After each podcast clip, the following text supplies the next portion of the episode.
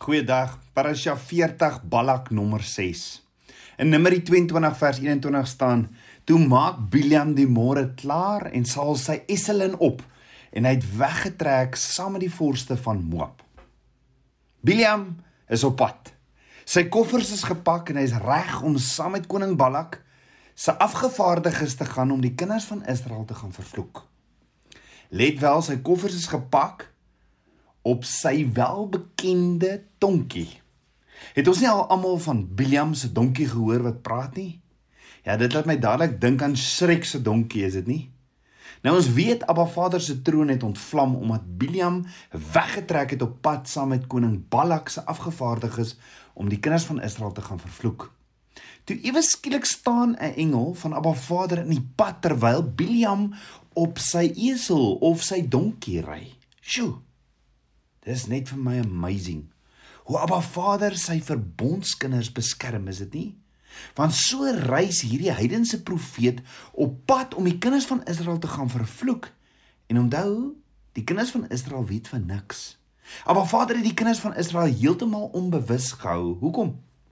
Iemand wat saam met Abba Vader in verbond wandel, weet al loop jy deur 'n dal van doodskade weer, sal jy geen onheil vrees nie. So die kinders van Israel het nie geweet wat tussen koning Balak en Biliam aangaan nie, want hulle hoef nie te weet nie. Ja, maar Vader sê dan mos vir ons in Jesaja 54 vers 17, elke wapen wat teen jou gesmee word, sal niks uitrig nie. En elke tong wat teen jou opstaan in die geveg, sal jy weer lê. Dit is die erfdeel van die knegte van die Here en hulle geregtigheid wat uit my is. Vir ons wat saam met Abba Vader in verbond wandel, is al die inligting wat ons kry en wat rondom ons aangaan en wat ander beplan teen ons nie so belangrik nie. Hoekom nie? 2 Korintiërs 5 vers 17 5 vers 7 sê want ons wandel deur geloof en nie deur aanskouing nie. Ons wandel saam met Abba Vader in imuna geloof. Wat is imuna geloof?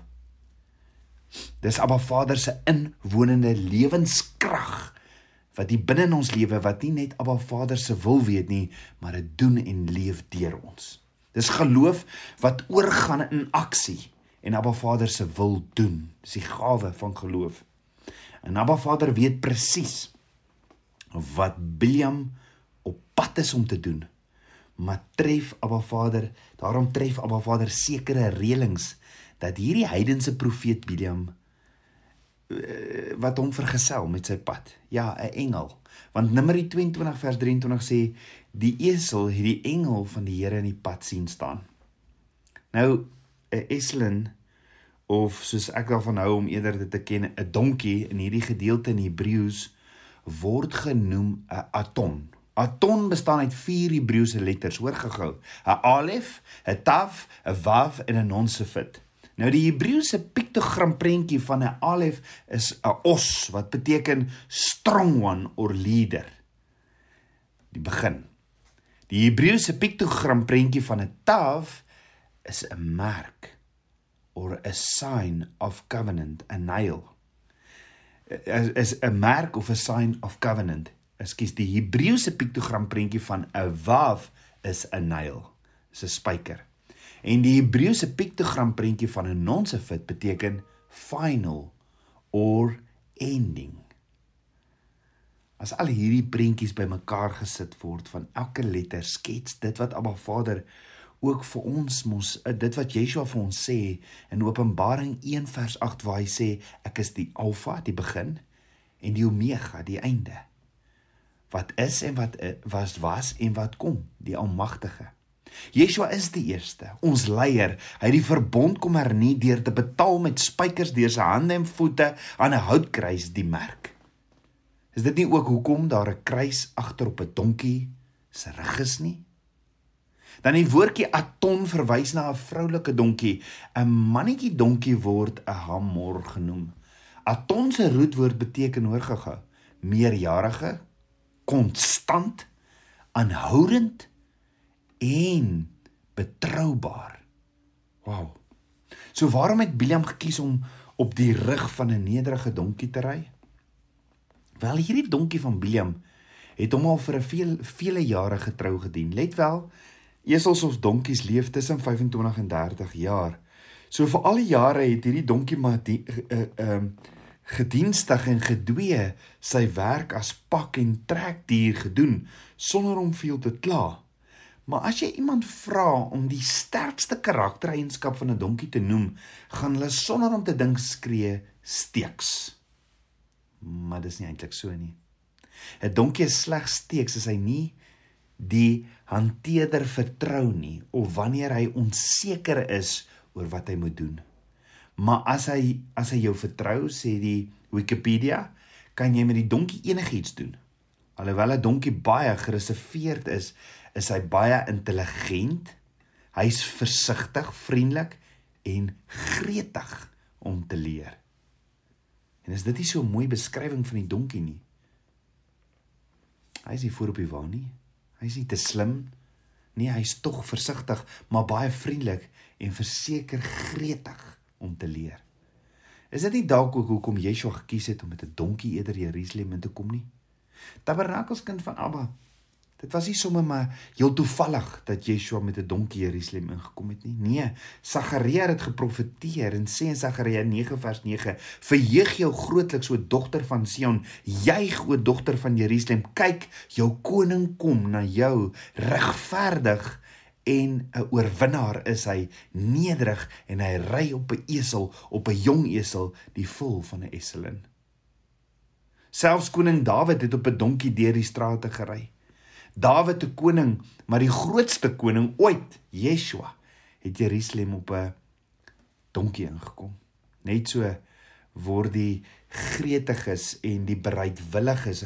Ja, Yeshua kom met hierdie hierdie gretige, nederige donkie Jerusalem in. En net so word ook die gretiges en die bereidwilliges uitget kies om die grootste werk te doen in die koninkryk van God. Die een wat wat nie voor op die wa is nie, versigtig baie vriendelik en verseker gretig om te leer. Ek dink dit was toevallig dat Maria ook op 'n donkie gery het net voordat sy haar seun Yeshua aan geboorte in Bethlehem gegee het nie. Nou 'n vroulike donkie is die is die beste geskik vir vir nederige, harde werk, nie vir gevegte nie. Die donkie, veral die wyfie, is nie lank genoeg, groot genoeg of vinnig genoeg om as 'n oorlogswapen gebruik te word nie. Sy ploeter, sy hou vol, sy verduur, sy voltooi die kursus. So om 'n donkie te ry vir alle vroulike donkie verklaar duidelik dat die ruiter 'n werk gaan doen nie 'n oorlog gaan voer nie. Onthou, William beweer dat hy nie 'n vegter is nie. Maar wat Vader is op die punt om vir ons te openbaar wat in William se hart aangaan en wat se vrug hy dra. Dit gebeur alles deur Abba Vader se engel wat gestuur is om in die pad te staan en wat veroorsaak dat Biliam se donkie wegdraai uit die pad uit in die veld in. En die vraag is, hoe reageer Biliam hierop? Biliam hierop. Die woord sê in Numeri 22 vers 23 en die esel het die engel van die Here in die pad sien staan met sy ontblote swaard in sy hand. Daarom het die esel uit die pad uitgedraai en die veld ingeloop.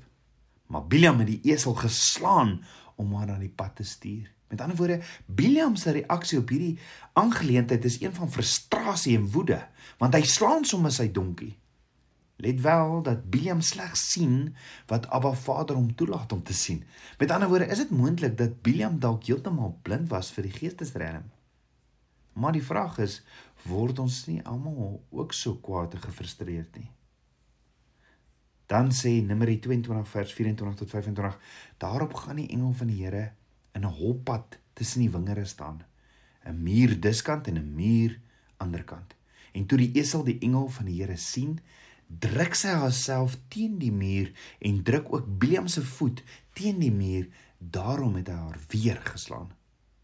Nou daar is geleerdes wat die muur waarteen hierdie Biliam se voet vasgedruk is, die hoop klippe is wat Laban en Jakob opgerig het toe hulle hulle vredesverbond gesluit het. Dis hier waar Laban vir Jakob in Genesis 31 vers 52 sê, daar is die hoopklippe en daar is die gedenksteen wat ek tussen my en jou opgerig het. Hierdie hoopklippe is getuie en die gedenksteen is getuie dat ek jou kant tot hierdie hoop nie sal verbytrek nie en dat jy na my kant toe hierdie hoop en hierdie gedenksteen nie sal verbytrek met slegte bedoelings nie. Die punt is dat Biliam 'n nakomeling van Laban is. En dat Laban se nageslag op pad is om die verbond te oortree wat hy met Jakob gesluit het deur Jakob se nageslag te vervloek.